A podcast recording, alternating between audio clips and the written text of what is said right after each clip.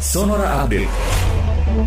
Jaksa Agung Burhanuddin meminta agar Kedutaan Besar Republik Indonesia di Singapura segera memulangkan buronan kasus korupsi dan pembalakan liar Adeline Lis.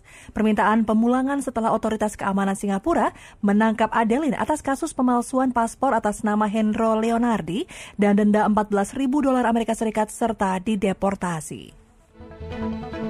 Sejumlah wilayah Bandung Raya yang meliputi Kota Bandung, Kota Cimahi, Kabupaten Bandung, dan Kabupaten Bandung Barat mulai melakukan langkah pengetatan menyusul status siaga 1 COVID-19.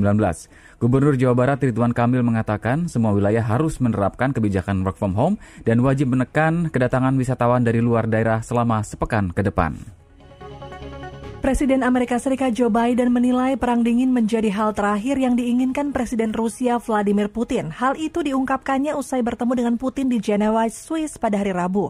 Biden menilai pertemuan keduanya bernuansa positif. Dalam pertemuan tersebut, Biden dan Putin membahas isu keamanan cyber yang sempat membuat hubungan kedua negara menegang. Secara terpisah, Putin menyebut pertemuan tatap muka pertamanya dengan Biden konstruktif. Kedua pemimpin negara sepakat untuk memulai konsultasi tentang keamanan cyber dan juga membahasnya lebih lanjut.